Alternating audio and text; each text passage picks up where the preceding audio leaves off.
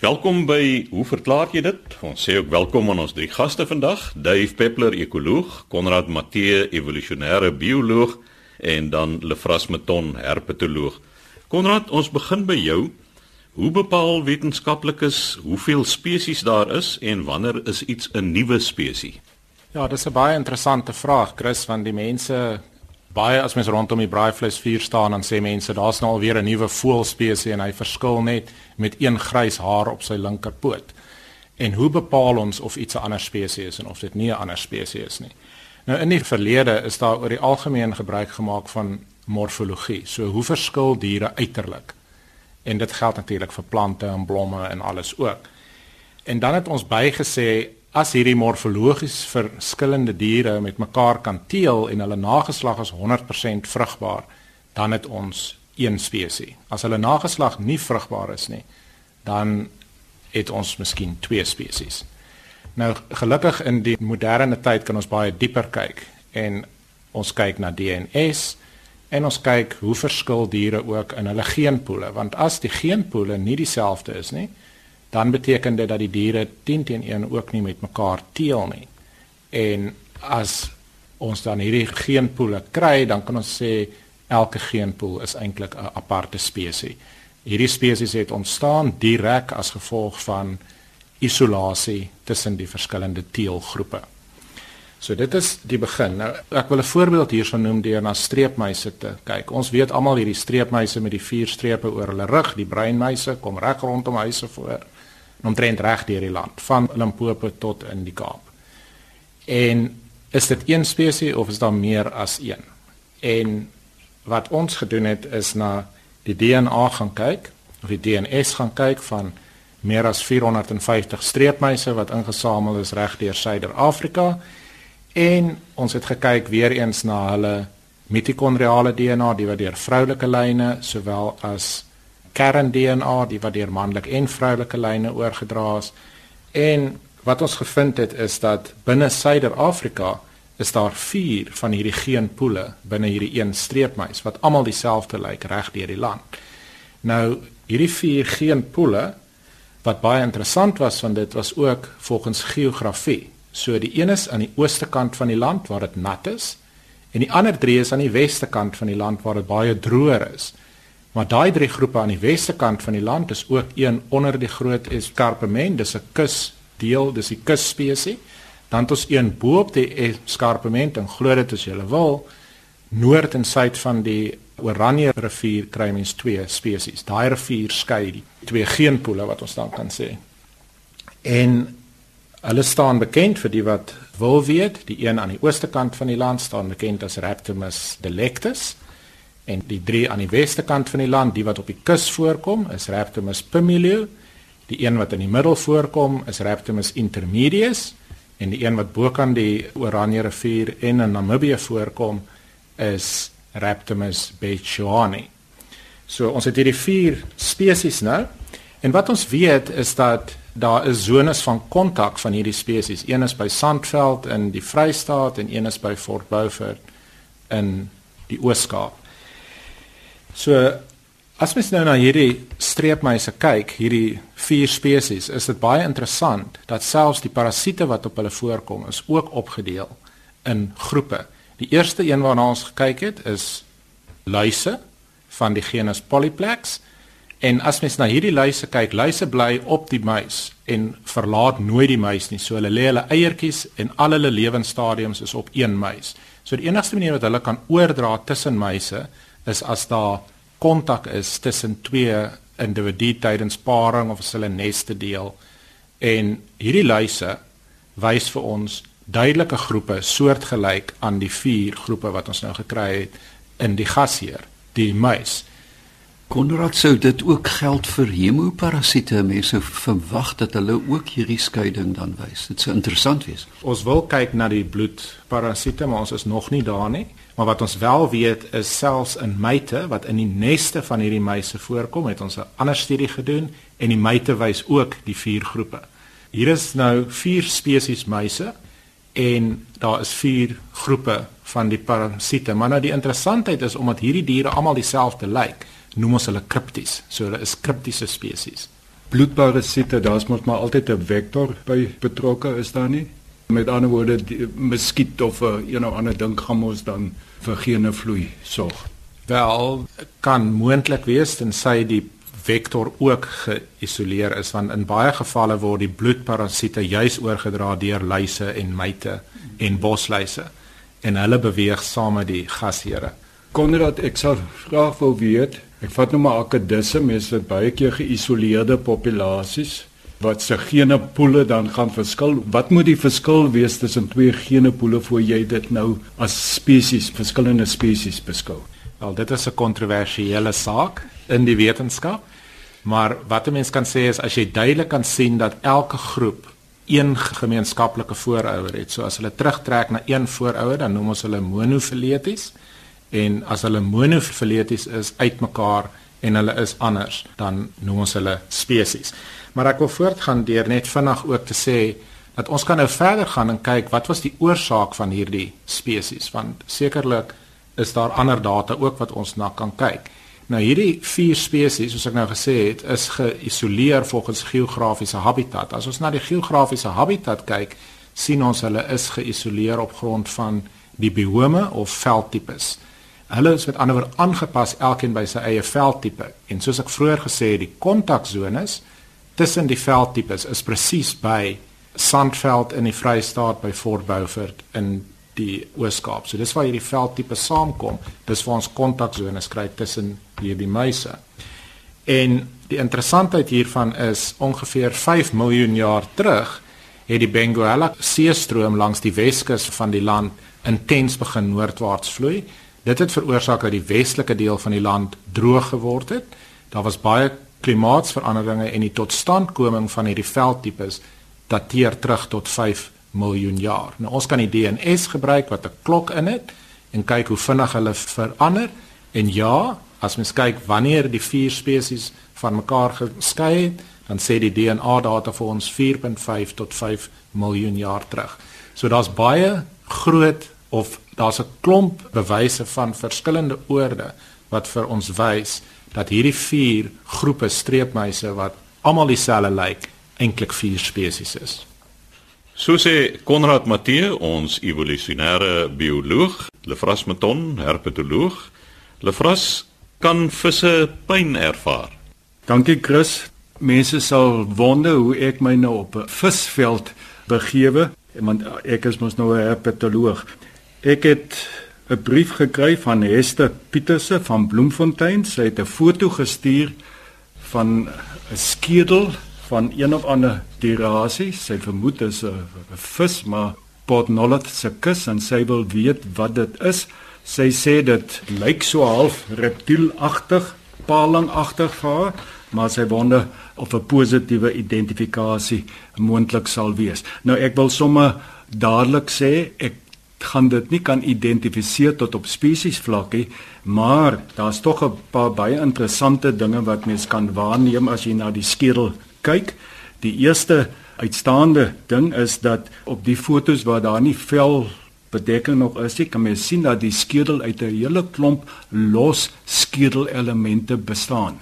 Dit is nie soos by 'n soogdier of 'n akedus of 'n padda wat dit redelik styf of reg aan mekaar gebind is nie. En dit is tekenend of kenmerkend van vis skedel. So dit is definitief 'n visskedel en ek dink baie mense sou al gesien het hoe baie visse in staat is om hulle mond na vorentoe uit te stulp en dan iets in te suig. Ons noem dit skedelkinese. Dit is baie goed ontwikkel by baie van hierdie visse. So net hierdie losse skedelelemente dui al klaar daarop dat dit definitief 'n vis is. Dan die tweede ding wat daarop dui dat dit 'n vis is, is mens na die kake kyk, die onderkaak spesifiek is daar tande, maar die tande is nie in 'n mooi ry gespasieer nie. Dit is sommer so 'n breë band van tande en dit is ook tipies van visse. By die hoër werveldiere is die tande gewoonlik in 'n netjiese ry op die kake gerangskik. Dan die derde kenmerk wat mens dadelik kan sien dit is 'n vis is dat daar waar die wervelkolom agter die skedel uitkom is daar baie duidelik al onmiddellik ribbebene. En ons weet dat by reptiele en amfibieë soogdiere is daar mos 'n nek en dan kry jy die skouegordel. En die ribbebene is mos maar eers onder na die skouegordel. Maar by visse is dit nie so nie, is, is sommer net van direk agter die skedel af is daar hierdie ribbebene. So dit is definitief 'n vis hierdie. Dit is nie 'n paling nie. Palings omdat 'n paling is mos 'n buiter. Hulle ek weet nie of iemand al kennis gemaak het hoe 'n paling kan byt. So hy het 'n redelike stewige skedel. Hierdie is 'n gewone vis wat natuurlik kan hy bietjie byt want hy tande, maar dit is maar net om prooi stukkies af te knaag en in te suig, maar hulle is nie byters nie. So die foto is ongelukkig van bo af skuins van bo af afgeneem so mens kry nou nie idee van in watter mate die skedel lateraal afgeplat is nie. Ons weet mos maar die meeste beenvisse is so van die kante af plat gedruk. En dan ook is hier nie 'n skaal by nie. So ek kan nie sien is dit nou 'n klipvis grootte of is dit nou groot visie en dit maak identifikasie baie moeilik. My in geval ek dink ons volstaan daarbey definitief 'n uh, vis skedel, maar ons kan nie sê watter spesies dit is nie. En dan nou die belangrike vraag van die dag kom dan nou van Charles Biggs af. Hy sê hy is nie self 'n visserman nie. Hy is baie lief vir seekos, maar hy vang self nie vis nie. Maar hy het tog baie keer gewonder want by baie van hierdie damme dan is daar 'n bordjie op die mense kan vis vang maar as hulle die vis gevang het moet hulle hom weer teruggooi. Nou wonder hy moet hierdie hoeke wat nou uitgehak volgens hom uitgesny word soms uit die vis wat nou gevang is se bekke. Hy wil weet ervaar die visse nou pyn as dit gebeur? En dan ook sou dit daardie visse gedrag beïnvloed dat hy nou dalk kos sal vir my omdat hy nou bang raak of hy so gekondisioneer raak dat hy nie meer sal wil eet nie? En ja dit is ek dink ek het alself baie daaroor gedink. Ek vang nou nie meer vis nie maar ek het baie jare vis gevang en ek moet dan sê met die as jy 'n vis gevang het en jy hak die hoek weer uit dan meeste gevalle is dit nie laat daar nou 'n hele stuk van die vis saam in die hoek uitkom. Jy woel die hoek so 'n bietjie en dan kan in die meeste gevalle kom hy mooi skoon los. Uh, ek het toe nou bietjie gaan kers opsteek in die literatuur en agtergekom eerstens dat die kwessie van pyn is 'n baie komplekse storie omdat dit baie moeilik is om pyn te meet. Ons as mens, ons kan praat en ons kan ook geluide maak. As jy seer kry, kan jy skree. Baie soogdiere kan chunk, jy kan jou gesig vertrek om uiting te gee aan pyn, maar visse en reptiele en paddas, hulle maak nie geluide nie. Hulle is nie in staat om gesigsuitdrukkings te hê nie en dit is baie moeilik om pyn te meet. Maar as mens kyk na daardie diere wat wel pyn ervaar soos die mens, dan daar die meeste of indien nie al die sisteme betrokke by die uitdrukking van pyn kom ook by visse voor. Alhoewel mens dit nou nie kan meet nie, kan mens dan die afleiding maak dat visse heel waarskynlik ook pyn ervaar. Ek het toe ook moeite gedoen om vir professor Hannes van Wyk, hy is op ons plaaslike etiese komitee en by hom gehoor wat is die opvatting uit 'n etiese oogpunt en hy het dadelik gesê dis 'n moeilike storie. En dit is dit is waarskynlik 'n moeilike storie. Wat is nou die waarheid? Maar hy het ook saamgestem dat dit is maar die beste om te aanvaar dat visse ervaar ook pyn en van daardie standpunt af dan nou verder te werk. Ek dink mens moet dan ook realisties daarna kyk en dit is dat as 'n hoek losgehaak word, dit is soos jou vrou wat 'n doring uit jou voet uit of jou hand uitsteek, is 'n kort oomblikie wat daar 'n bietjie pyn is, dan daarna as daar 'n wond is, wonde pyn gewoonlik nie.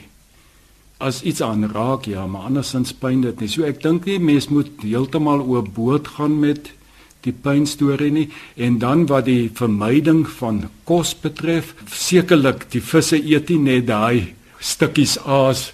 Hulle het 'n wye spektrum van dinge wat hulle eet. So ek dink nie dit gaan aanleiding gee dat hulle nou gaan begin honger ly as hulle nou bang raak vir die aas nie.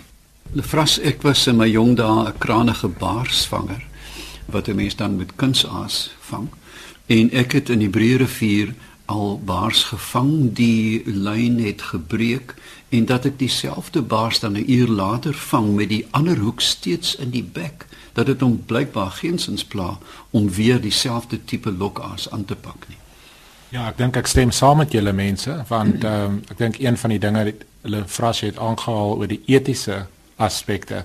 Een ding wat mens kan sê, watter diere moet vir etiese klering aansoek doen ja.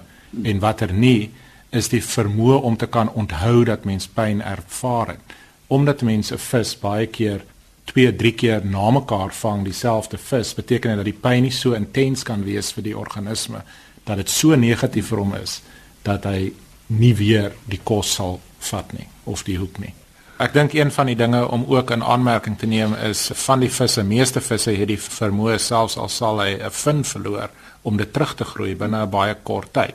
En dit is maar net aanpassings vir as iets die vis sou byvoorbeeld aanval en hy kan wegkom, dan groei dit terug. So ek dink ook die hoek deur die bek is miskien nie so erg soos wat ons dink nie. Nou ja, dit dan wat die vraag betref of visse pyn kan ervaar. Lefras Meton, herpetoloog wat daaroor gesels het. Laas dan die beurt Duif Peppler, ons ekoloog. Duif, jy het 'n hele verskeidenheid van vrae, onder andere, hoe kry diere dit reg om onder 'n kombers asem te haal? Chris, ja, ek wonder hoe die noodlot my tref met sulke vrae, maar nou ja, kom ons gaan nou maar. Hy stuur onder komberse 'n brief van Wilma van Oudtshoorn en sy sê hoekom kan hondjies of katjies vir 'n lang ruk onder die kombers lê sonder benou te word as 'n mens die kombers oor jou gesig trek, kry jy nie asem nie. Nou goed, ek dink ons moet eers dink aan tipe honde. Ek het nog nooit 'n boerboel onder 'n kombers gesien nie, maar wel reekse en reekse worshonde. Hulle is kruipers. So mens moet eerstens begin kyk na die tipe hond wat onder 'n kombers lê. 'n Wolfhond lê nie onder 'n kombers nie, dis hierdie keffers wat heeldag onder komberse lê. Soos byvoorbeeld worshonde wat bekend is dat hulle in gate inkruip. So, ek dink daar is 'n klein mate van 'n genetiese voorkeur vir honde wat komberskruipers is. Baie honde van die groter tipes is draaiers. Hulle sal 'n kombers staan en krap so 'n koek maak en hom dan trap en tol en tol tot hulle lêplek kry, maar beswaarlik onder die kombers gaan lê. So, daar is kruipers en draaiers en leers as dit by my idee van honde kom. Duif die lengte van die hare speel dan seker ook 'n rol of nie? Uiteraard wolfhonde byvoorbeeld kan in volle reën slaap, hulle het hulle steur hulle eenvoudig niks aan nie. En herdershonde ook. Maar as dit kom by die korthaar spesies, soos byvoorbeeld die korthaar worshonde, kry hulle baie gou koud. Ek dink die tweede ding wat 'n mens moet dan kyk is die membraan wat die kombers vorm en dan dit ook herlei na longvolume. Nou, die gemiddelde longvolume by mense lê tussen 5 en 6 liter, wat nie noodwendig volledig in en uitgeasem word nie, maar dis 'n groot volume. Nou, as jy dan die skaal gebruik, sê nou maar van mens na Yorkshire Terrier wat so groot is soos 'n hoenderkarkas wat jy al die vleis van afgehaal het, dan gaan daar ook 'n reuse verskil in longvolume wees. As jy dit na die extreme toe neem, 'n muskiet byvoorbeeld gaan maklik onder 'n kombers kan asemhaal as dit miskien dit nou in so 'n mate asemhaal. So dit het ook te doen met die grootte van die hond en hoe vinnig deurlaatbaar die kombers as membraan dan funksioneer. Met ander woorde, dieselfde geld vir die mens as jy met jou 6 volume in en uit asemhaling deur 'n baie digte kombers gaan probeer asemhaal, gaan jy dit nie so effektief doen soos 'n Yorkshire Terrier nie. Ek lei af dat jy word ook gepraat van honde of klein hondjies wat dan nou saam met mense in die bed slaap. Dan sekerlik die afstand na die mense voete toe gaan ook 'n rol speel. Die reuk sal mos die hond nou al verdoof en dan slaap hy baie dieper. Ja, Lefrasie is dood reg uiteraard die reukloslating werk natuurlik beide kante toe jy verstaan ek dink dit is 'n optimale afstand wat bepaal word na gelang van beide die mense en die dier Maar dit daar gelaat. Ek dink ook wat die mense in ag moet neem is dat mense is geneig om maklik benoud te raak as iets oor hulle gesig te val. Jy weet, as jy iemand regtig wil emosioneel benoud kry, sit jou hand oor die gesig of die neus. So daar is ook 'n aspek van paniek by mense as hulle dan skielik onder 'n kombers, hulle wil uitkom en haal vinniger asem, die CO2 dam op. So, dis 'n baie moeilike vraag. Ek dink dis gewone kleiner honde wat kruip. Groter honde draai en wrimmel of lê jou eenvoudig van 'n bed af. En dan is dit ook die aard van die deurlaatbaarheid van die kombers wat bo oor die hele kaboedel lê. 'n Tweede vraag kom van Antoinette Heineman en sy sê sy plaas gereeld saaitjies uit vir die voëls en so het 'n koning rooibekkie die ou storie die tuin totaal oorgeneem en twee somers deurgebring. Hy het drie wyfies verjaag al wat voel is en is hondmak. Maar sê dit maar is hy skoonveld. My vraag is of hulle migreer of wel waarheen bou hulle nessies. Koning rooibekkies het my tot binne etlike millimeters van voelmoord al gedryf. Ek kan dit goed nie verdeel nie want hulle klink so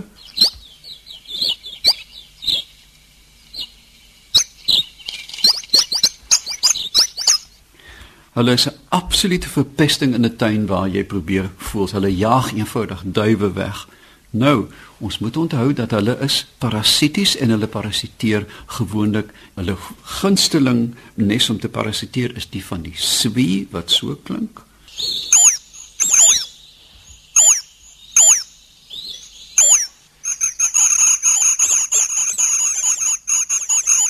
So met ander woorde, nee, hulle bou nie neste nie. Hulle lê of die wyfie lê eenvoudig 'n eier in die van haar prooi.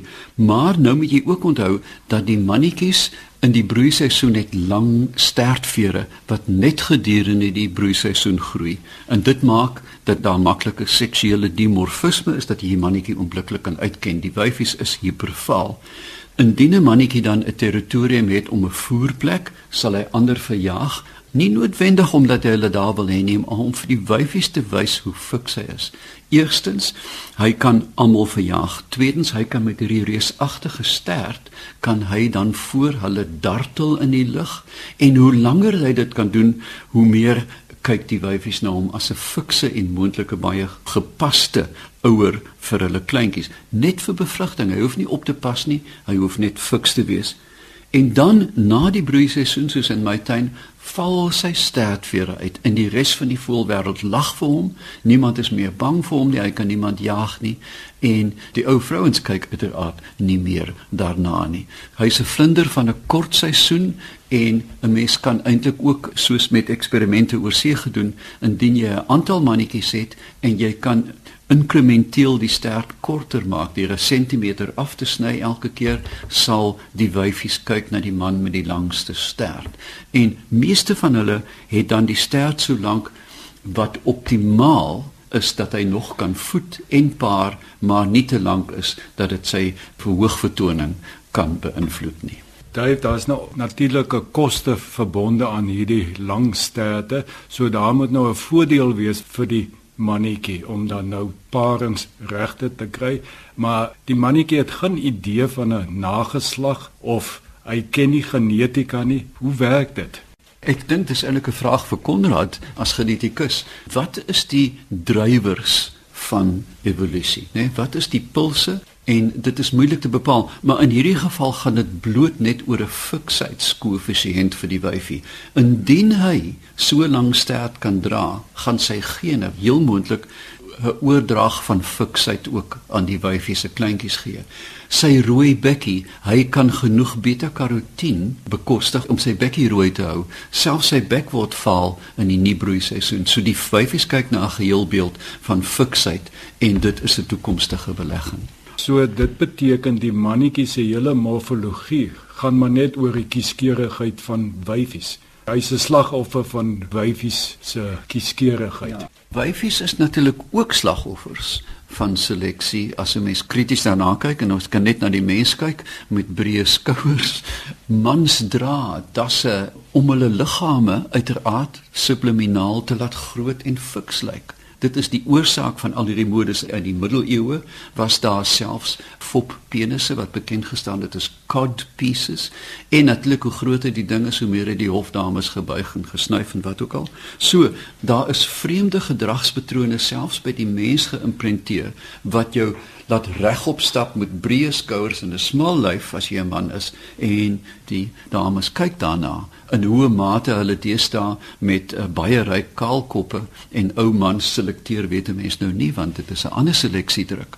Maar in die diereryk is die hoofdrywer van seleksie gewoonlik fiksheid. Hoe hard jy kan roep hoe lank jy kan sing hoeveel kos jy kan aandra hoe vol jy jou spens kan maak selfs voor die paringsgedrag daar kom en fiksheid is een van die hoofdrywers dink ek in hierdie geval van seleksie in evolusionêre terme. So sê Dave Peppler, ons ekoloog, die tyd het ons weer ingehaal. Skryf gerus aan, hoe verklaar jy dit? Posbus 2551 Kaapstad 8000 of stuur 'n e-pos aan chris@rsg.co.za.